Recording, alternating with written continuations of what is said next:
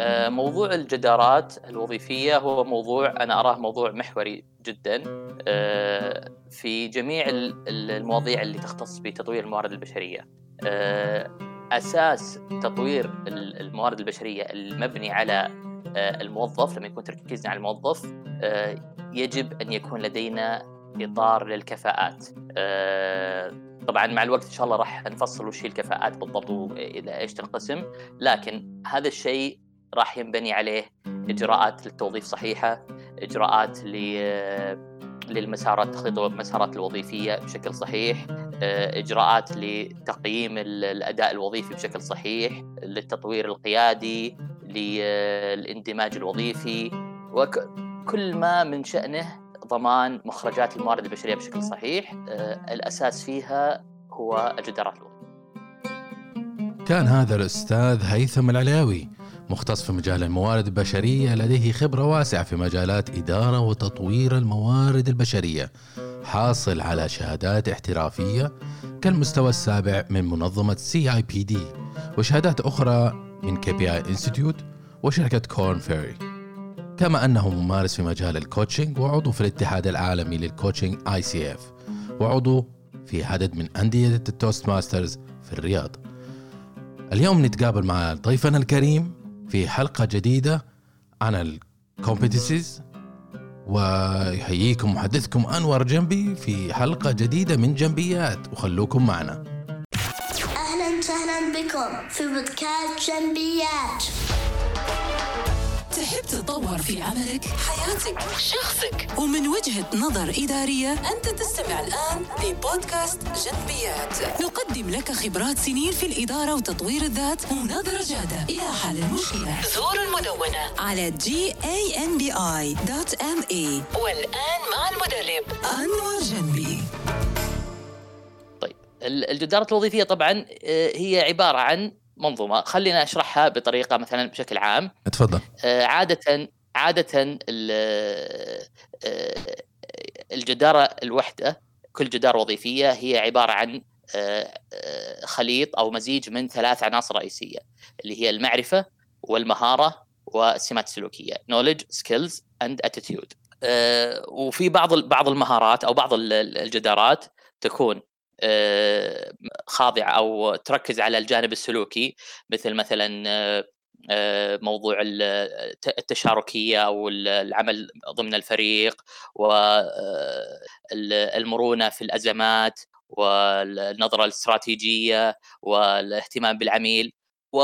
وبعضها الآخر يهتم بالجانب المهني أو الجانب ال technical زي ما نقال بالإنجليزي يعني الجانب المهني أو الجانب التخصصي اللي هو ال professional أو ال technical competencies هذه مثلا في بعض ال بعض ال ال الوظائف يكون لها مثلا زي ما نقول مثلا وظائف المبيعات يكون لها بعض ال بعض ال الجدارات الخاصة مثلا ب آه، بالمبيعات وبعض الجدارات الخاصة بالمالية وبعض الجدارات الخاصة مثلا بالتخصصات الهندسية وهلم جره وفي المجموعة الأهم اللي هي ما تسمى بالجدارات الأساسية أو الكور كومبتنسيز هذه الجدارات اللي لازم تكون متوفرة عند جميع الموظفين.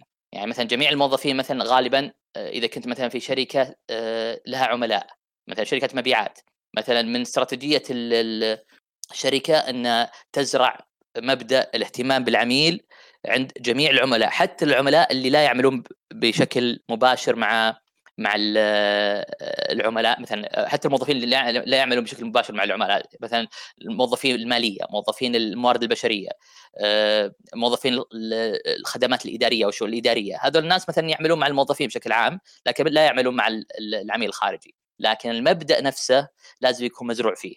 آه، في مثلا آه، جدارات ثانية زي مثلا آه، مهارات الاتصال. هذه لازم تكون مهارات أساسية. فهي في النهاية تكون عندك حصيلة كبيرة للجدارات. يتم تقسيمها على الثلاث أجزاء رئيسية اللي هي ال core competencies المهارات أو الجدارات الأساسية وال behavioral competencies الجدارات السلوكية technical competencies الجدارات التخصصية أو المهنية. هذه يكون لها ارتباط بشكل كبير بمهام الموظف. يعني هي ليست مكتوبة بشكل مباشر في في الوصف الوظيفي لكنها لها ارتباط بمهام الموظف. عندما تحلل آه، مهام الموظف أو مهام الوظيفة نفسها حسب حسب ما هو مكتوب في في ال job description في الوصف الوظيفي فإن لها ارتباط مثلا قد تجد لها ارتباط بمهارة الاتصال. بمهارات البيع بمهارات بالاهتمام بالعميل بالنظرة الاستراتيجية بالعمل آه، تحت الضغط بعضهم يسمونها عمل تحت الضغط بعضهم يسمونها المرونة في الأزمات بعضهم يسمونها إدارة الأزمات آه، هي تقريبا يعني فيها فيها لها علاقة كبيرة ببعض. والقسم القسم الرابع أنا قلت لك ثلاث أقسام في القسم الرابع هذا قسم خاص بالوظائف القيادية واللي تسمى اللي تسمى leadership competencies اللي هي المهارات القيادية. هذه اللي بناء عليه آه، طبعا هذه هذه الجدارات تكون فقط مرتبطة بالوظائف القيادية من من من وظيفة مثلا supervisor أو team leader وأنت صاعدة حتى تصل إلى آه، وظيفة ال CEO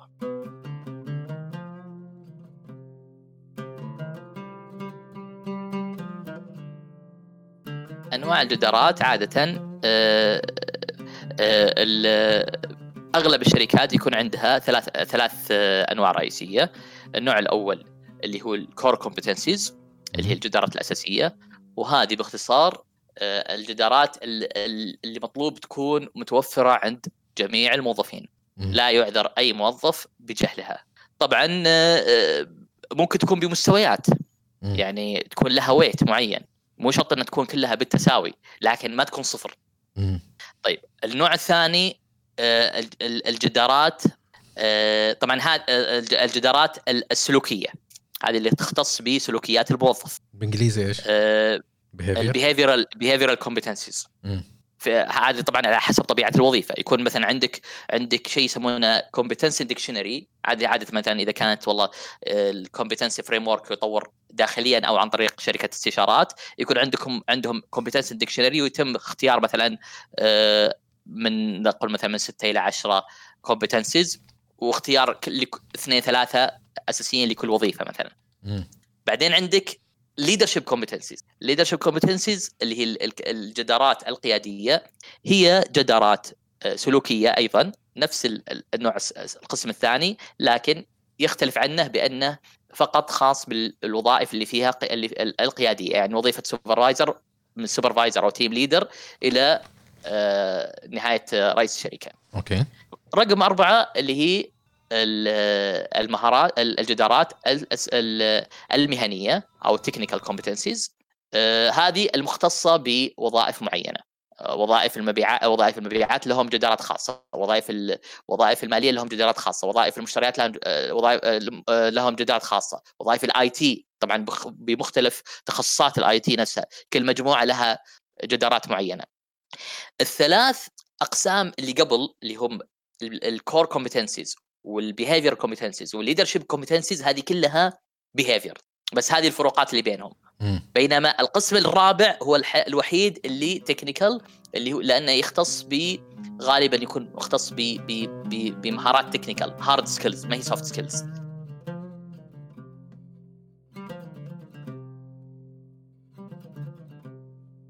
طيب آه، في أمور ثانية مثلا في أيضا ارتباط ثاني بموضوع الجدارات غير موضوع مثلا الوصف الوظيفي اللي هو مثلا لما نجي في في آه، آه، تقييم أو إدارة الأداء الوظيفي.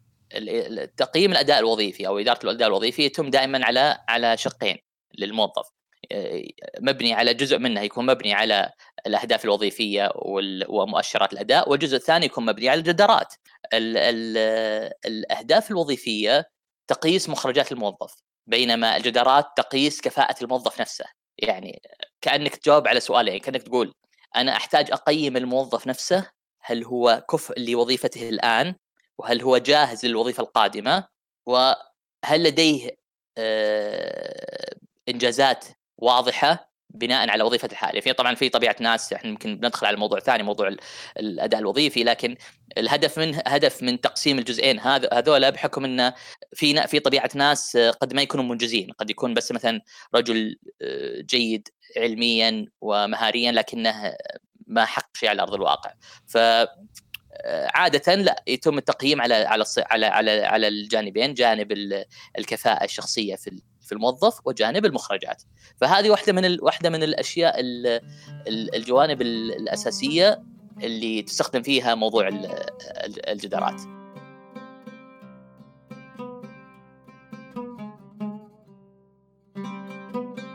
الآن إحنا قاعدين نمشي على نفس المراحل. م. يعني بعد ما قلنا تخطيط القوى العاملة بعدين قلنا في التوظيف. آه خليني أمشي أمشي من بداية الرح من بداية رحلة الموظف بحيث انه تكون الصورة أوضح. تخطيط القوى العاملة أنت أنت لما تخطط لل... لل... للاحتياجات المستقبلية احتياجات السنة القادمة مثلا م. من الموظفين.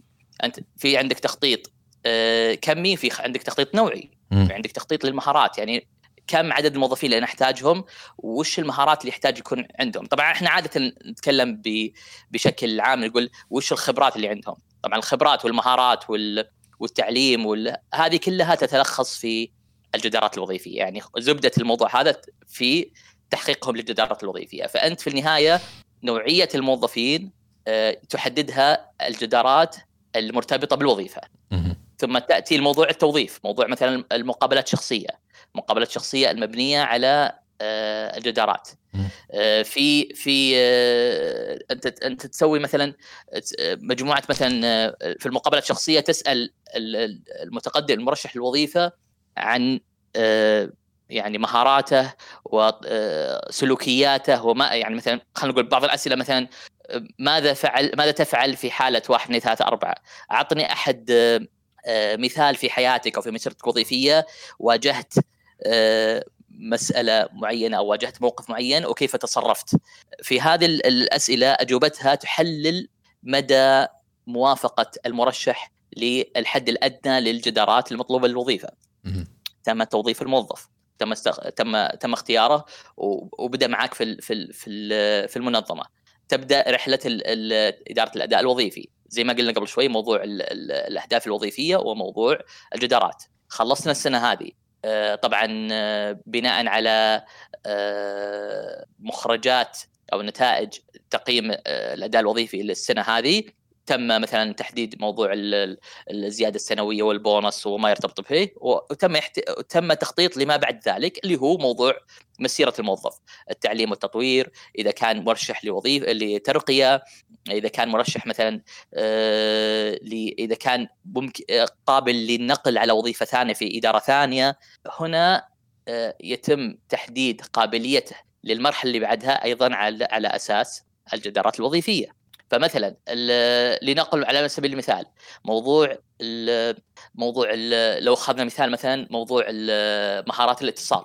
وممكن يدخل في برنامج معين أو أي مبادرة معينة الهدف منها رفع مبادره رفع مهارة الاتصال.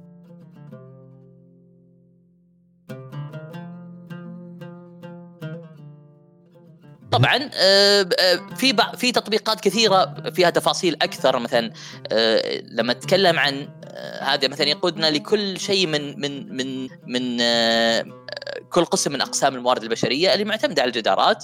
راح تجد لما تتكلم عن التدريب والتطوير أو التعليم والتطوير راح تجد في في تطرق بشكل كبير لموضوع الجدارات. لما تتكلم عن إدارة الأداء الوظيفي راح ستجد إن في جزء كبير من التطرق للجدارات. تكلم عن تطوير الهياكل التنظيمية والاوبريتنج موديل دائما تتكلم دائما في تطوير الهياكل التنظيمية مثلا وعدد الوظائف اللي تحتاجها. ما يكفي فيها مثلا عدد الوظائف كعدد بس لا تحتاج مثلا والله آه، آه، على أي أساس مثلا قلت والله أنت أنت عندك آه، قس عندك إدارة تحتاج فيها مدير تحتاج فيها قسمين كل قسم تحته supervisor وكل supervisor تحته أربعة ليش قلت أربعة؟ طب الأربعة هذا إيش بيسوون؟ الأربعة وش وش قيمة عملهم؟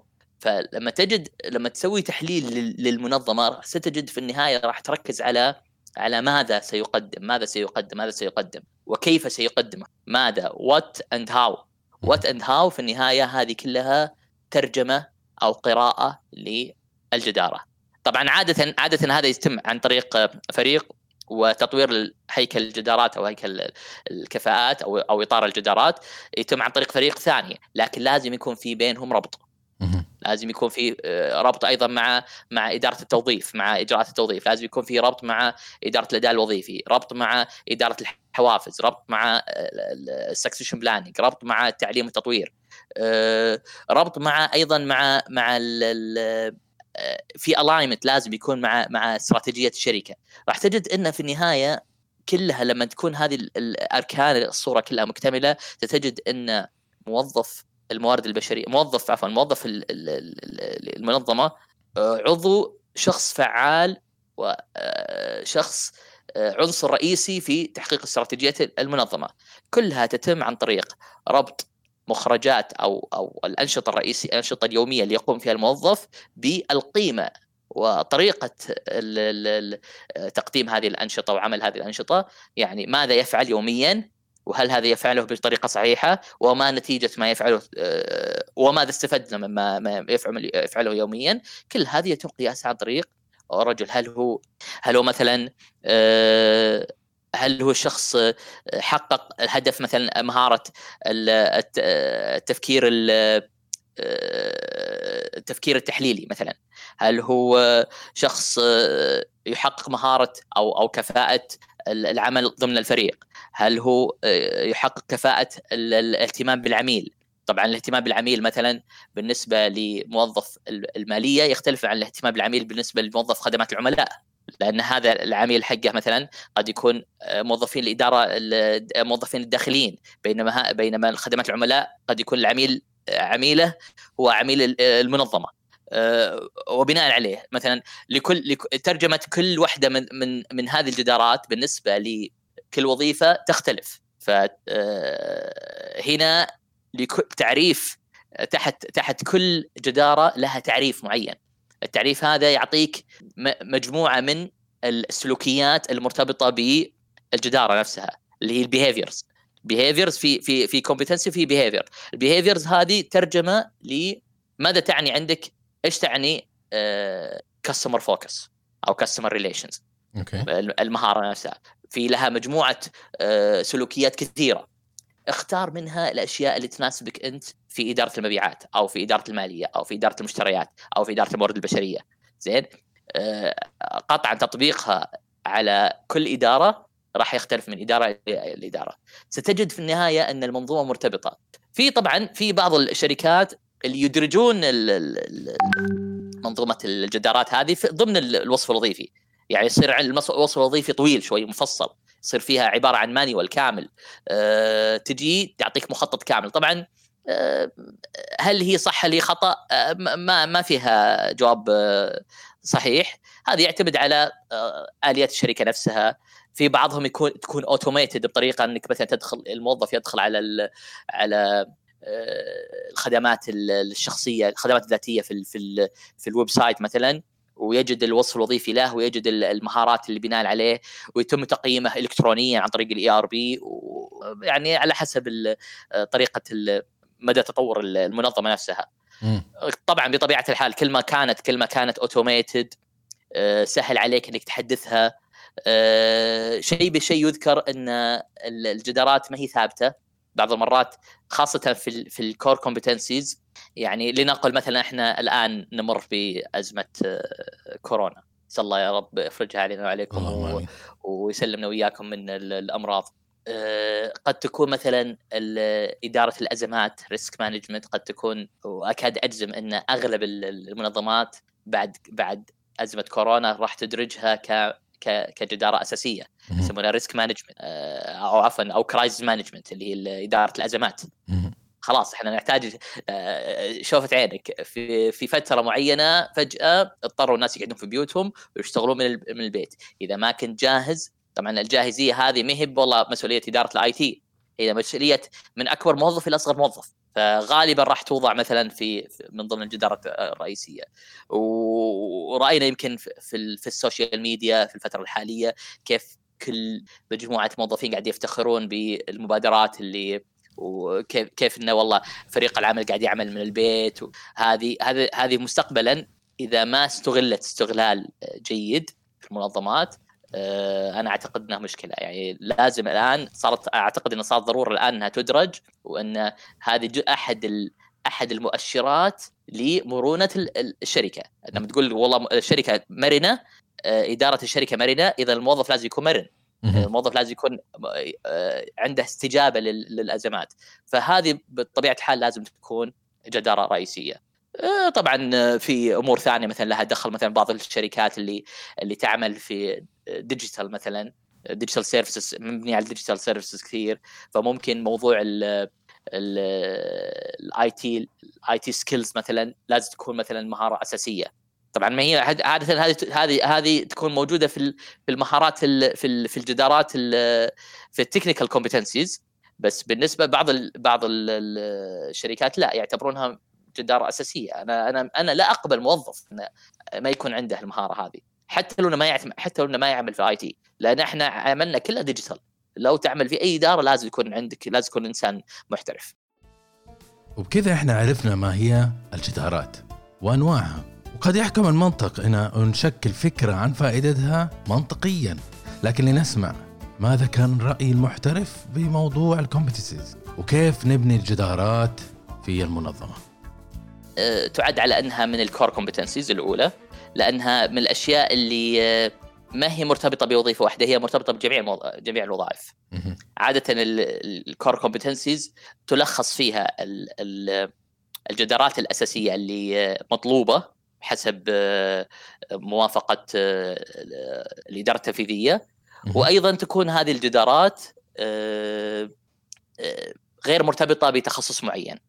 يعني ما تقول لي مثلا مهارات مهارات التفاوض في في في في وظائف لا تحتاج مهارة تفاوض. هو شخص قاعد يعمل حالة يعني عنده مثلا مهام معينة. لكن مهارة الاتصال لا. في بعض مهارات مثلا في بعض بعض الوظائف بعض المهارات الأساسية بعض المهارات ال technical زي مثلا موضوع الحد الأدنى من مهارات العمل على الكمبيوتر أو العمل على الحاسب الآلي. في بعض الناس يضمونها إلى core competencies حتى بالنسبة للوظائف الوظائف الإدارية العادية لأنها من الأشياء اللي لا يمكن التنازل عنها.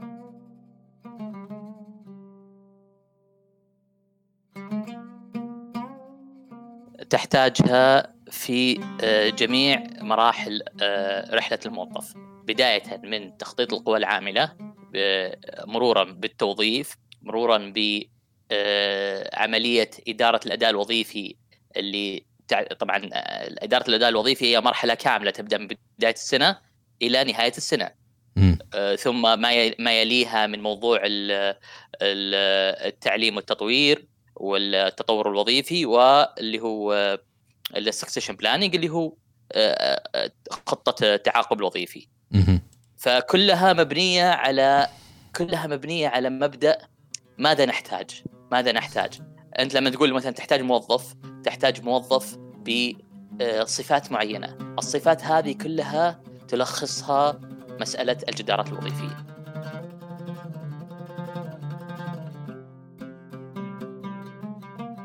هي جميع رحلة الموظف من قبل أن يتوظف إلى إلى ما يخرج من الشركة.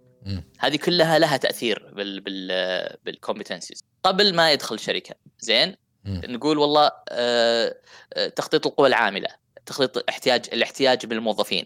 لا جزء من الاحتياج لازم يكون احتياج نوعي يعني وش طبيعة المهارات اللي تحتاجها وش وش آه وش التخصصات اللي تحتاجها. هذه ال knowledge skills attitude اللي تحتاجها لكل وظيفة لما تسوي آه، خطة القوى العاملة. مرورا بإجراءات التوظيف. أحد المعايير الأساسية في في قبول المرشح هي الجدارات. آه، وخلال مسيرة الموظف. الجدارات مسؤولة بشكل كبير عن اندماج الموظف مع الشركة. وأيضا أحد العناصر الأساسية في تقييم الأداء الوظيفي.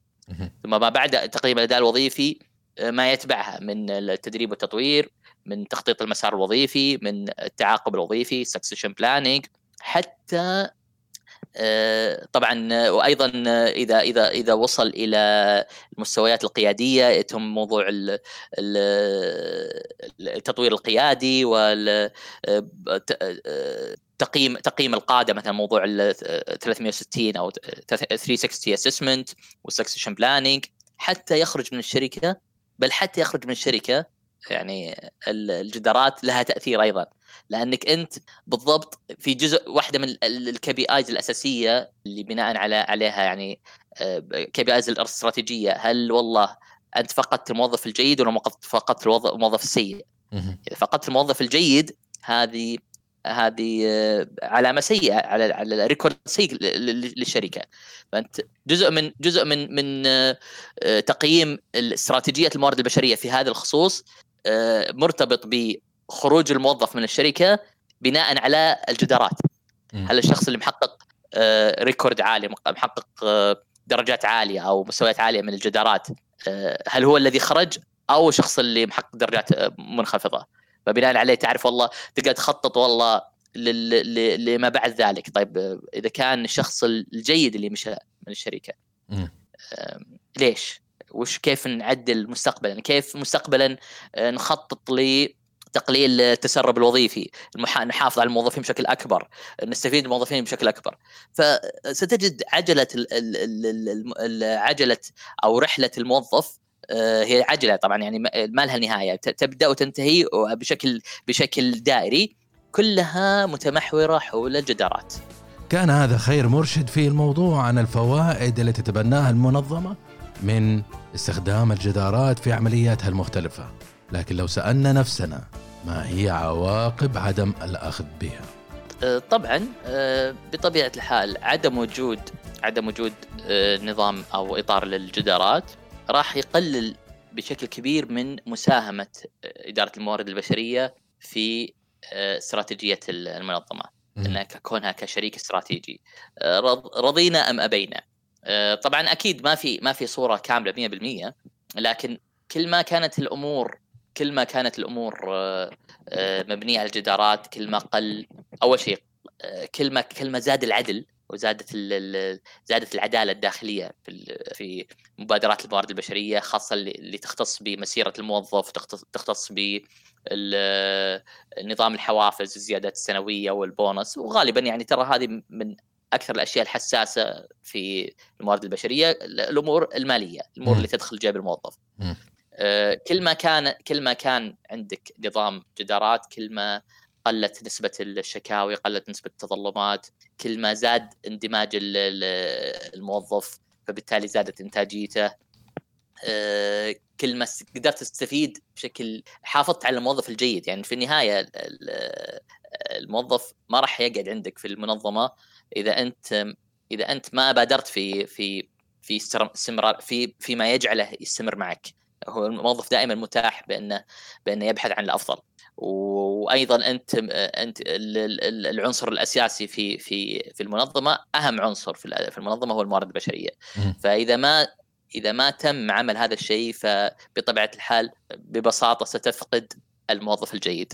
وهذا آه، يعني أكيد بيكون واضح إيش تبعاته على على المنظمة من بين لكن أنا أعتقد أيوه. أعتقد أعتقد إن إن في إن بعض المرات آه، صعوبة صعوبة آه، بناء أو تحدي في بناء إطار ال- الجدارات في شركة قديمة في. شركة عملت لسنين ويحتاج إنه يحتاج إنه يعني يتقبلون هذه الفكرة طبعا تقبل هذه الفكرة لازم يعني أنت أنت كواحدة من المهارات الأساسية في في أي قائد إنه يكون عنده مهارة الإقناع عنده مهارة التفاوض عنده يعرف بالضبط كيف إنه كيف إنه آه، يقنع إدارة الشركة العليا. ففي النهاية آه، يمكن كلنا متفقين إن إن الإدارة العليا الهدف فيها آه، هدف عندها تحقيق الأهداف الاستراتيجية. يعني قلنا مثلا شركة مبيعات هدف عندها الربح. فإذا قدرت قدرت ك ك كمدير عام أو كرئيس تنفيذي للموارد البشرية إنك تربط إنك آه، توجد طريقة أو تقنع الإدارة الإدارة التنفيذية بأن هذا راح يكون مفتاح لزيادة الربح، هذا اللي راح يكون مفتاح لزيادة الإنتاجية، هذا اللي راح يكون مفتاح لجذب ال- الموظفين ال- الممتازين في السوق وإبقاء الموظفين الممتازين عندك. و آه، وصناعة كفاء صناعة قيادات مستقبلية. آه، هذه كلها عبارة يحتاج لك مسطرة فيها، المسطرة هذه هي الجدارات. إذا ما عندك المسطرة هذه لن ينجح لن تنجح هذه المبادرة. وستضطر دائما في في آه، آه، تتعامل مع الموظفين بأسلوب reactive يعني أو أسلوب انفعالي يعني آه، ردات فعل مم. ما راح تكون إنسان proactive ما راح تنت... ما راح تقرر ما راح تخطط كيف راح ينجح الموظف كيف راح ينجح المنظمة لا أنت في النهاية إذا أنت إذا أنت ما لحقت على نفسك الآن الموظف الجيد راح يمشي و وهذا أيضا راح يأثر على سمعتك في السوق. يعني قطعا كثرة كثرة الاستقالات والتسرب الوظيفي هذا طبعا مؤشر جي سيء للمنظمة. أه وطبعا بطبيعة الحال حتى انعكاسه على على على على ثقافة الشركة، انعكاسه على على القيادات، أنت لما تدخل قياد تدخل إدارة أو تدخل منظمة تجد فيها مديرك واضح عليه إنه إنه ما عنده معايير. واضح إنه في عنده نوع من ال ال الشخصنه في في قيادته لل أو في حكمه على الأشخاص. هذا شخص يعني بطبيعة الحال ما هو شخص ما ما حد يحب إنه يعمل معاه. قد تقعد أنت لكن في غيرك راح يمشي.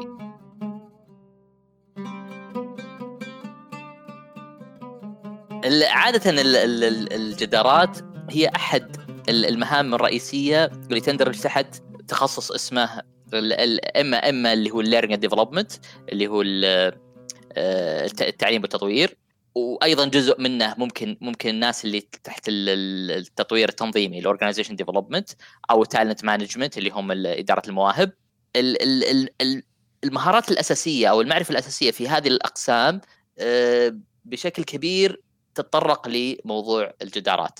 أي إنسان متخصص في آه، تخطيط المسارات الوظيفية أي إنسان متخصص في التعليم والتطوير التعليم والتطوير بحد ذاته لا يتم إلا بمعرفة بالجدارات. لا أنا ما أقدر أصد ما أقدر أتخيل شخص يدعي إنه متخصص في في التعليم والتطوير وهو ما يفهم في الجدار في الجدارات. ما ما يعرف ما يعرف يقيس. لأنه هو أساس التعليم والتطوير إيش معناته؟ معناته إن الجدارة حقتك تنتقل من المستوى الأدنى للمستوى الأعلى. نقل نقل نقل لجدارتك أو الجدارة اللي هي المعرفة والمهارة والسمات السلوكية. عده عدة طرق معينة آه، جزء منها جزء منها الدورات التدريبية لكن في في في طرق أخرى.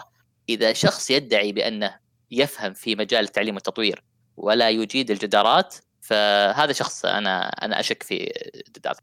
لنتعلم معا كيف نزرع فكرة الجدارات في منظماتنا وكيف نبدأ بها. فكيف نبدأ بها من الصفر؟ الآن في وجهة نظر تطبيقية لنتعلم معا كيف نزرع فكرة الجدارات في منظماتنا وكيف نبدأ بها وكيف نبدأ فيها من الصفر لو كنا كذلك. بينما أنا قاعد أشوف قدامي آه، مشكلة قيادية. م. يعني إحنا عندنا إحنا عندنا الآن طبعا آه، لما نتكلم عن الجدارات ما نتكلم عن جدارات الموظف فقط والمدير بالعكس المدير آه، عليه ضغط أكثر. يعني المدير أيضا أيضا أيضا يجب أن يقيم. طيب أنت الحين عندك عندك أمور ثانية موضوع ثاني من من تطبيقات الجدارات أو الأشياء اللي ممكن خلينا نقول لك كخطوه ما بعد الجدارات اللي هو موضوع ال 360 360 اسسمنت اللي هو تقييم تقييم ال 360 اللي هو جزء منه إنك أنت تقيم مديرك. طيب أنت الحين في في بالنسبة للوظيفة وظيفة القيادية فيها جدارات قيادية. ليست فقط الجدارات على الموظف نفسه. آه أعطيك على على سبيل المثال. طيب strategic thinking نتكلم على نتكلم على flexible thinking نتكلم على leadership نتكلم على influencing التأثير. نتكلم على coaching coaching skills team management يعني مثلا ال micro management اللي قلته قبل شوي هذه دائما indicator على أن آه، أنت عندك مشكلة في في, في, في الإدارة في في, في المهارات القيادية ف 360 assessment تعطيك وين ال gaps اللي موجودة عندك وممكن بناء عليها تقارنها بالحد الأدنى من الجدارات لهذه الوظيفة. فهذه الحين الجدارات هنا هنا فادتك بشكل كبير مو بس على مستوى الموظف أيضا على مستوى المدير. فعليها فقس طبعا كل ما كنت كل ما كنت طبعا شيء بشيء يذكر إحنا قلنا مثلا الجدارات فيها في أمور سلوكية في أمور تقنية أو أو مهنية. كل ما رحت فوق كل ما طلعت فوق في المنظمة كل ما زاد زادت نسبة الاهتمام بالمهارات السلوكية عن المهارات التقنية. يعني دائما دائما الش- ال- ال- آه، القيادية هي نص جزء منها leadership وجزء منها technical أو operational work زين. كل ما طلعت فوق في المنظمة كل ما كان نظرتك استراتيجية أكثر فكان التركيز عليك على قيادة المنظمة أكثر من آه، تخصص المنظمة. فصار التركيز في ال- ال- الجدارات السلوكية والجدارات القيادية أهم من التركيز على على مثلا على الجدارات ال- المهنية.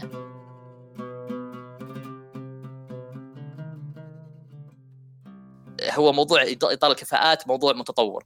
لكن أنا بالنسبة لي أرى أن أقل القليل أن يكون في على الأقل لو خمس أو ست جدارات رئيسية معممة على الشركة. هذه الخطوة الأولى. وكل سنة يتم تحديثها بحيث انه يكون في نوع من التخصص.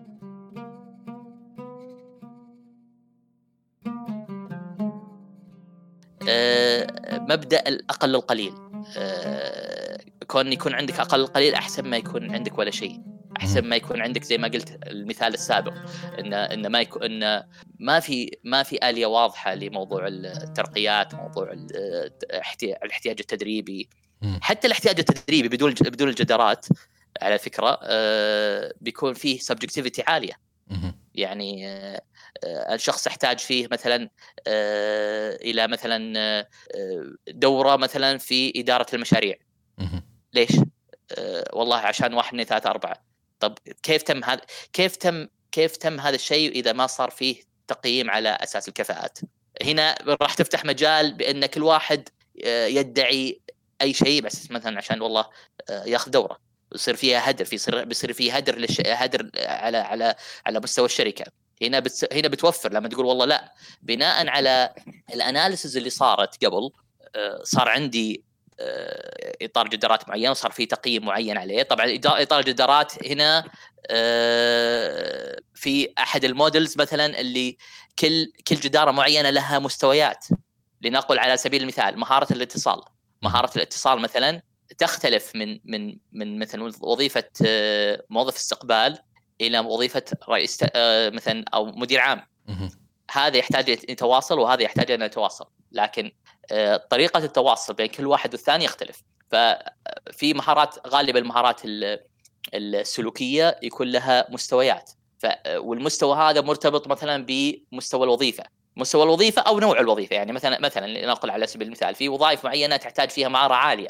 زي مثلا مهار مهارة التحليل بالنسبة للمحلل المالي. حتى لو كان محلل مالي junior financial analyst يحتاج مثلا في مهارة التحليل عالية. بس مثلا قد تكون أعلى من مهارة آه، مدير عام مثلا مدير مدير إدارة آه، ما تحتاج إلى تحليل ذاك الحد. وعليها فقس. فأنت كل كل وظيفة معينة تحتاج آه، تقعد مع مدير الإدارة وتعرض عليه تعرض طبعا طبعا تعرض عليه المهار الجدارات الرئيسية وبناء عليه بال بال بالانترفيوز بال بالتحليل ال- الوظيفي نفسه آه، تربط ال- ال- ال- الجدارات الأساسية بالوظيفة. هذه يعطيك يعطيك يحول التقييم آه، الموظف وتقييم المرشح للوظيفه وتقييم الشخص اللي قد يكون مؤهل مثلا لترقية آه، يفتح المجال أو يعطيك صورة أقرب ما تكون إلى صورة objective صورة موضوعية أكثر ما هي subjective. يكون عندك نوع من الأرقام آه، تقييم أو تحليل مبني على أرقام. أفضل ما يكون والله شخص وافقنا عليه ما وافقنا عليه ليش؟ ما أدري بناء على تقرير معين آه، ما ما في أي ما في أي دليل عليه. هنا يكثر مثلا تفتح المجال بشكل كبير لموضوع المحسوبيات وموضوع الظلم. وموضوع طبعا آه، الظلم مع أو ضد يعني حتى حتى شخص اللي يعني إنه يوضع في مكانه وهو غير غير مؤهل له. وأهله مجرة.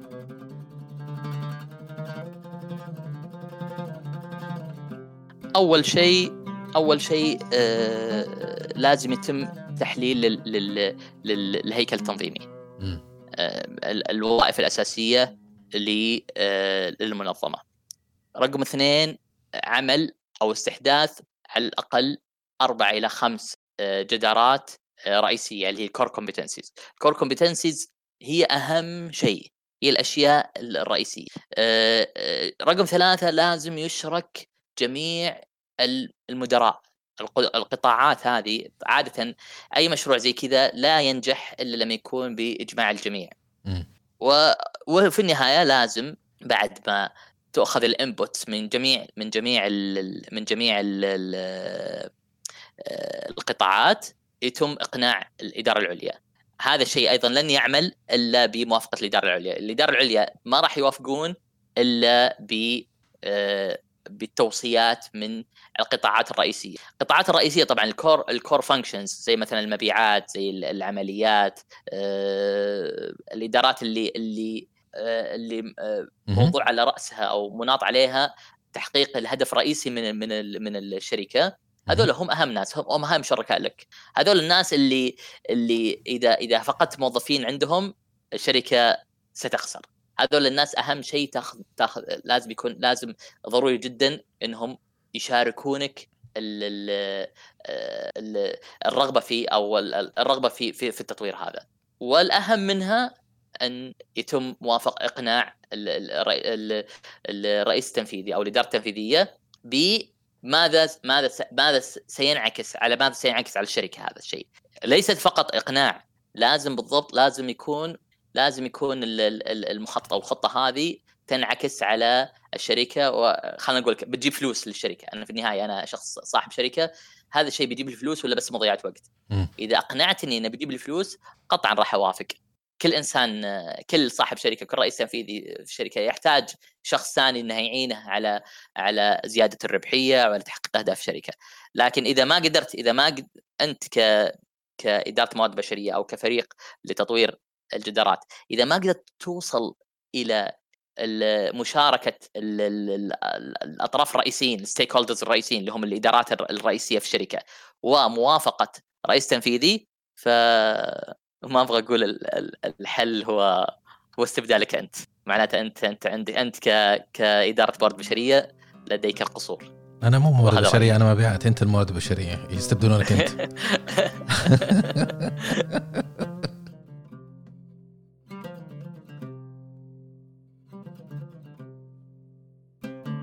طبعا هذه في إدارة الموارد البشرية عاده. عاده آه، تكون فيه آه، ال- ال- الجهة أو الفريق اللي مسؤول عن الجدارات يكون غالبا آه، الفريق اللي تابع ل إما التعليم والتطوير أو ما يسمى بال talent management اللي هو إدارة المواهب. يتم ربطه ب بالوصف الوظيفي يتم ربطه ب بال job family في بعض ال- في بعض ال- مثلا بعض المفاهيم في موضوع ال- التصميم الوظيفي أو ال job ال job organization design يتم حصر مثلا مجموعة وظائف في في عائلة وظيفية معينة مثلا. خلينا نقل مثلا مستوى مستوى وظيفي وقسم أو أو أو تخصص معين. يتم حصر مثلا مجموعة مجموعة competencies أو مجموعة جدارات آه، خاصة بهذه الوظائف. زي لنقل مثلا وظائف المبيعات. وظائف المبيعات مثلا غالبا يكون إضافة إلى ال core competencies وال وال وال behavioral competencies العامة. أيضا يكون لها آه، co- يكون لها شيء يسمونه sales competencies مثلا. يمكن أنت مثلا آه، إن شاء الله يعني خبرتك في موضوع المبيعات قد تفيدني أيضا بشكل أكبر كموظف المبيعات درجة من بدايته إلى نهايته آه، وش يحتاج بالضبط يكون آه، يكون عنده من مهارة أو يكون عنده من معرفة. طبعا لما نتكلم عن عن جدارة آه، إحنا نركز على معرفة مرة ثانية معرفة ومهاره وسمات سلوكية. آه، المعرفة ممكن تأخذها عن طريق غالبا تأخذها عن طريق الدراسة. آه، المهارة تأخذها عن طريق آه، عن طريق ال- الخبرة والممارسة. والسمات السلوكية هي هي مسألة تمتد معك على مدى طويل وتغييرها صعب جدا. وفي كثير من ال- الوظائف طبعا النسب أيهم تأثيرهم أكبر ال- المعرفة والمهارة والسمات السلوكية. ما في حسبة واضحة في الموضوع بس غالبا اللي متفق عليه ان أن تغيير المعرفة وتغيير أو زيادة المعرفة وزياده المهارة أسهل بكثير من تغيير السمات السلوكية عشان كذا يمكن يمكن ال- ال- ال- المها ال- العبارة المتداولة المعروفة اللي hire for attitude and train for skills لأن لأن التركيز دائما على مسألة إن ال attitude اللي هو السمات السلوكية آه، هي الأهم لأن لأن زي ما أقول إذا قبلت شخص عندك في المنظمة لا لا يحقق السمات السلوكية اللي انت تحتاجها فمن الصعب جدا تغييرها.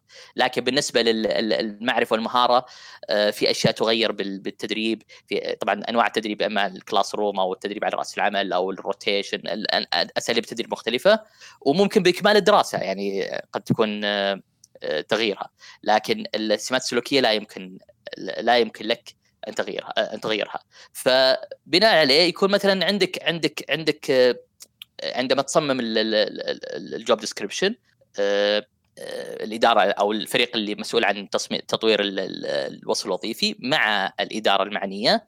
أيضا يتم مراجعة هيكل إطار الكفاءات. طبعا إطار الكفاءات هذه لازم لازم يتم اعتمادها من الاداره من الإدارة التنفيذية. يعني بما فيهم الرئيس آه، التنفيذي لأن هذا شيء هذه من الأمور الاستراتيجية في في إدارة الموارد البشرية زي ما قلنا في البداية.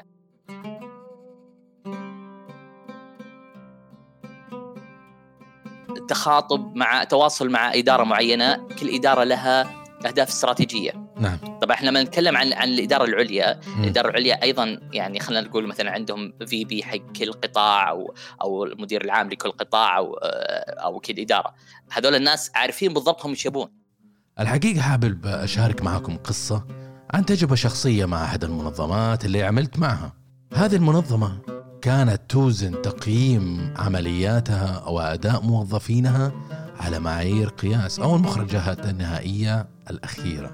ربما يقول البعض أنه هذا منطقي وممكن ومنطقي لكن أن المنظمة هي تقوم وتدير عملياتها بدون النظر إلى المايلستونز إلى الأهداف القصيرة المدى حتدفع موظفينها إلى حرق الذات ويمكن فأتى فقد الاندماج الوظيفي. وخليني أشارك معكم قصة بسيطة عن موضوع الجدارات وكيف هي ممكن أنها تأثر إيجابيا أو سلبيا في أداء المنظمة وفي موظفيها. في منظمة أنا اشتغلت معاها قبل فترة وهذه المنظمة يعني صحيح أنه عمرها في السوق وفي العمل وفي العمليات طويل. يعني فرضيا مفروض نفترض إنها هي ناضجة ومر عليها جميع الأخطاء الإدارية التي جعلتها الآن تمشي على أحسن الممارسات. لكن هذه المنظمة اللي أنا أقص عليكم قصتها كان وضعها مختلف. ليش؟ لأن هذه المنظمة فعليا كانت تقيم موظفينها على مبدئين على آراء الإدارة العليا وشدد على كلمة آراء. ثم المخرجات النهائية. فمثلا في المبيعات يحكم عليك بشيء واحد اللي هو هل حققت الهدف المبيعات ولا لا؟ مع عدم أخذ باعتبار أي عوامل أخرى أو ظروف أو أي كان.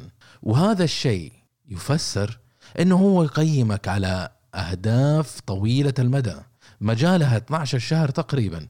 بهذا هو لم يكن عنده أي أهداف قصيرة المدى.